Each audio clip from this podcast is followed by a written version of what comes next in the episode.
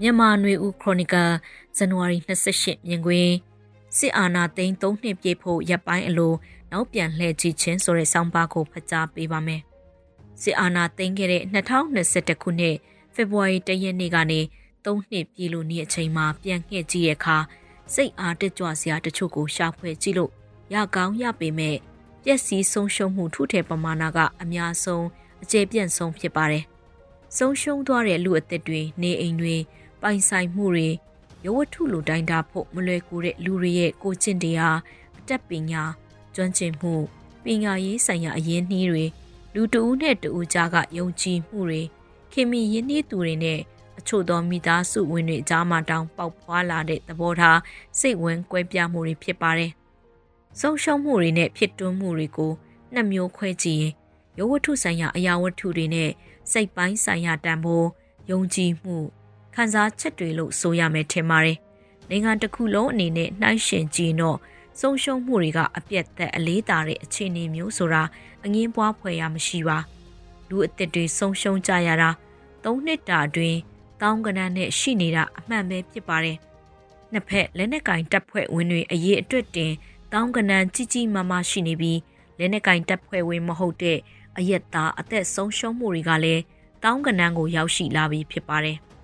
ဒီကိန်းကနန်းတွေကလက်နက်နဲ့တေဆုံရတာတွေကိုသာတတ်နိုင်သမျှကောက်ယူကြတာဖြစ်ပြီးစစ်ပွဲရဲ့အကျိုးဆက်လူမှုစီးပွားရေးကျန်းမာရေးစောင့်ရှောက်မှုမရရှိတာတွေကြောင့်အသက်ဆုံးရှုံးရသူတွေ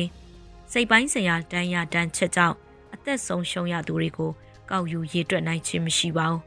။တော်လှန်ရေးဘက်ကိုထောက်ခံသူတွေတက်ဖြတ်ခံရမှုတွေကိုသာမှတ်တမ်းတင်ရေးတွက်ပြီးထုတ်ပြန်တဲ့အဖွဲ့တစ်ဖွဲ့ရဲ့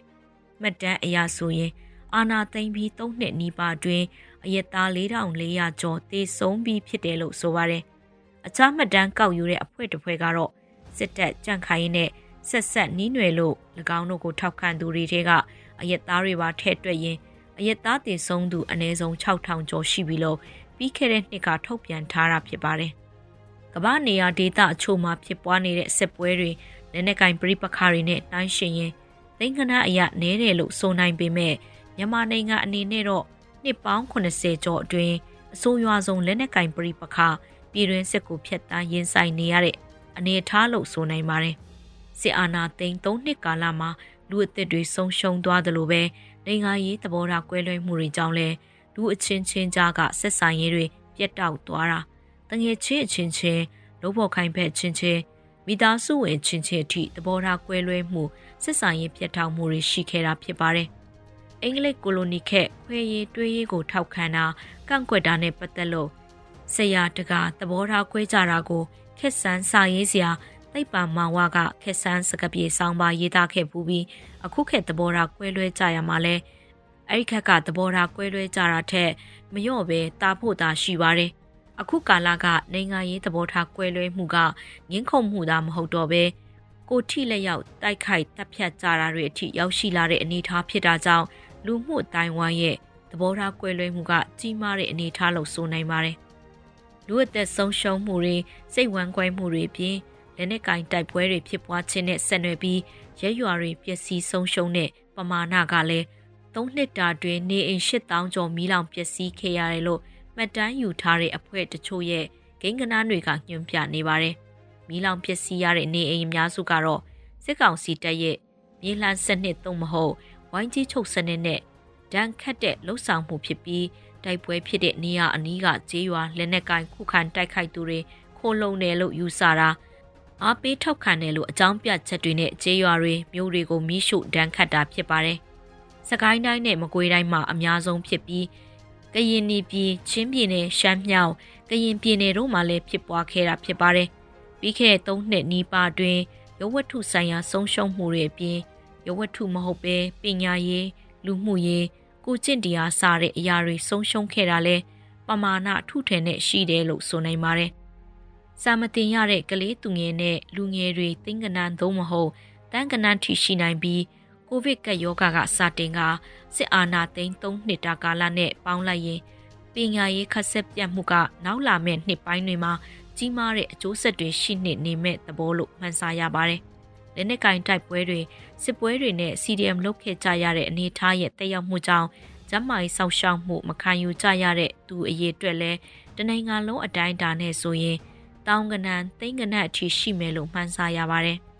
ပုံမှန်အခြေအနေမှာအများပြည်သူစေယုံစေခန်းမှာကျန်းမာရေးစောင့်ရှောက်မှုကိုရယူနိုင်ခဲ့ပေမဲ့အခုလိုနေထားမှာကျန်းမာရေးစောင့်ရှောက်မှုရဖို့မိုင်းဆယ်နဲ့သို့မဟုတ်ရာနဲ့ချီတဲ့နေရာတွေစီလူနာကတွားရောက်ရမှာဖြစ်တယ်လို့ ပုတ်ကလစ်ကဆေးရုံတွေမှာကုန်ကြမဲ့ငွေပမာဏကိုလက်လှမ်းမမီသူတွေလည်းအများပြားရှိပြီးအသက်ဆက်လက်ရှင်သန်ဖို့အခွင့်အလမ်းကိုလက်လွတ်ဆုံးရှုံးလိုက်ရသူတွေအများပြားရှိခဲ့တာဖြစ်ပါတယ်။ပညာရေးကျန်းမာရေးတို့ပြီးနောက်မှာ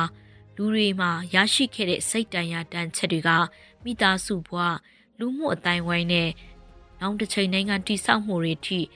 အနှုတ်သဘောဆောင်တဲ့အကျိုးသက်ရောက်မှုတွေတက်ရောက်စေမဲ့အလားအလာတွေရှိပါတယ်။ အထူးသဖြင့်ကလေးသူငယ်တွေလူငယ်တွေမှာရလိုက်တဲ့စိတ်တန်ရာတွေကနောက်အနာကပ်မှာလူမှုအတိုင်းဝိုင်းအတွက်အစိုးမြင်မှုတွေတန်တရားတွေအင်အားနဲ့အနိုင်ယူမှုတွေစီကိုလမ်းလွယ်ရောက်စေနိုင်တာလည်းဖြစ်ပါတယ်။ဒါတွေကကုံလွန်ခဲ့တဲ့၃နှစ်နီးပါးအတွင်းပျက်စီးဆုံးရှုံးရတဲ့အရာတွေဖြစ်ပြီးကိန်းကနနဲ့ဖော်ပြလို့ရတာတွေရှိသလိုဖော်ပြလို့မရတာတွေလည်းအများပြားရှိတာဖြစ်ပါတယ်။ တစ်ဖက်မှာတော့ဆယ်စုနှစ်များစွာလွှမ်းမိုးကြီးစိုးလာတဲ့လက်နဲ့စစ်အင်အားနဲ့အနိုင်ယူလာတဲ့ဗဟိုကစစ်အင်အားစုတစ်ခုကို အနိုင်ယူဖယ်ရှားကြဖို့စစ်ရေးပုံသဘောတူညီမှုတစ်ခုပေါ်ထွက်လာတဲ့အပေါ်အကောင်းဘက်ကရှုမြင်ကြပြီးစစ်တပ်ရဲ့နိုင်ငံရေးမှာအုပ်စီးထားမှုအခြားသောလူမျိုးတွေစုရဲ့အခွင့်အရေးကိုစစ်တပ်ကချုပ်ချယ်ကန့်သက်ထားမှုကိုအဆုံးသတ်နိုင်တော့မယ်ဆိုတဲ့မျှော်လင့်ချက်တွေက ကောင်းတဲ့အချက်လို့တော်လှန်အင်အားစုဘက်ကမြင်ကြတာပါ။သို့ပေမဲ့လည်းဘုံသဘောတူညီချက်ကဘေးအဆင့်ထိရှိထားကြတယ်လေ။နောက်ွယ်ကအကျိုးစီးပွားတွေကဘုံအကျိုးစီးပွားအဖြစ်ရှိကြသလား။ဘေးအဆင့်မှာဘုံအကျိုးစီးပွားတွေကနေတဖွဲ့ချင်းအကျိုးစီးပွားတွေကွဲထွက်ပြီးပရိပခအကျိုးစီးပွားစန့်ကျင်မှုတွေဖြစ်ပေါ်စေနိုင်တယ်လေဆိုတာတွေအထိစမ်းစစ်တွက်ချက်ဖို့လိုအပ်တာလည်းဖြစ်ပါတယ်။တခိုးနဲ့နဲ့ခြုံပြောရရင် လွန်ခဲ့တဲ့၃နှစ်နီးပါးကာလဟာပျက်စီးမှုဆုံးရှုံးမှုမျောလင့်ချက်ပြစ်သုံးမှုတွေများစွာတွေကဘုံသဘောတူညီမှုအနာဂတ်တည်ဆောက်မဲ့လူအဖွဲ့အစည်းရဲ့ပုံရိပ်ကိုဖမ်းဆုပ်မျောလင့်ချက်တွေကိုရှာဖွေဖမ်းဆုပ်ကြည့်ရတဲ့ကာလတစ်ခုလို့ဆိုရမယ့်သဘောဖြစ်ပါတယ်ရှင်။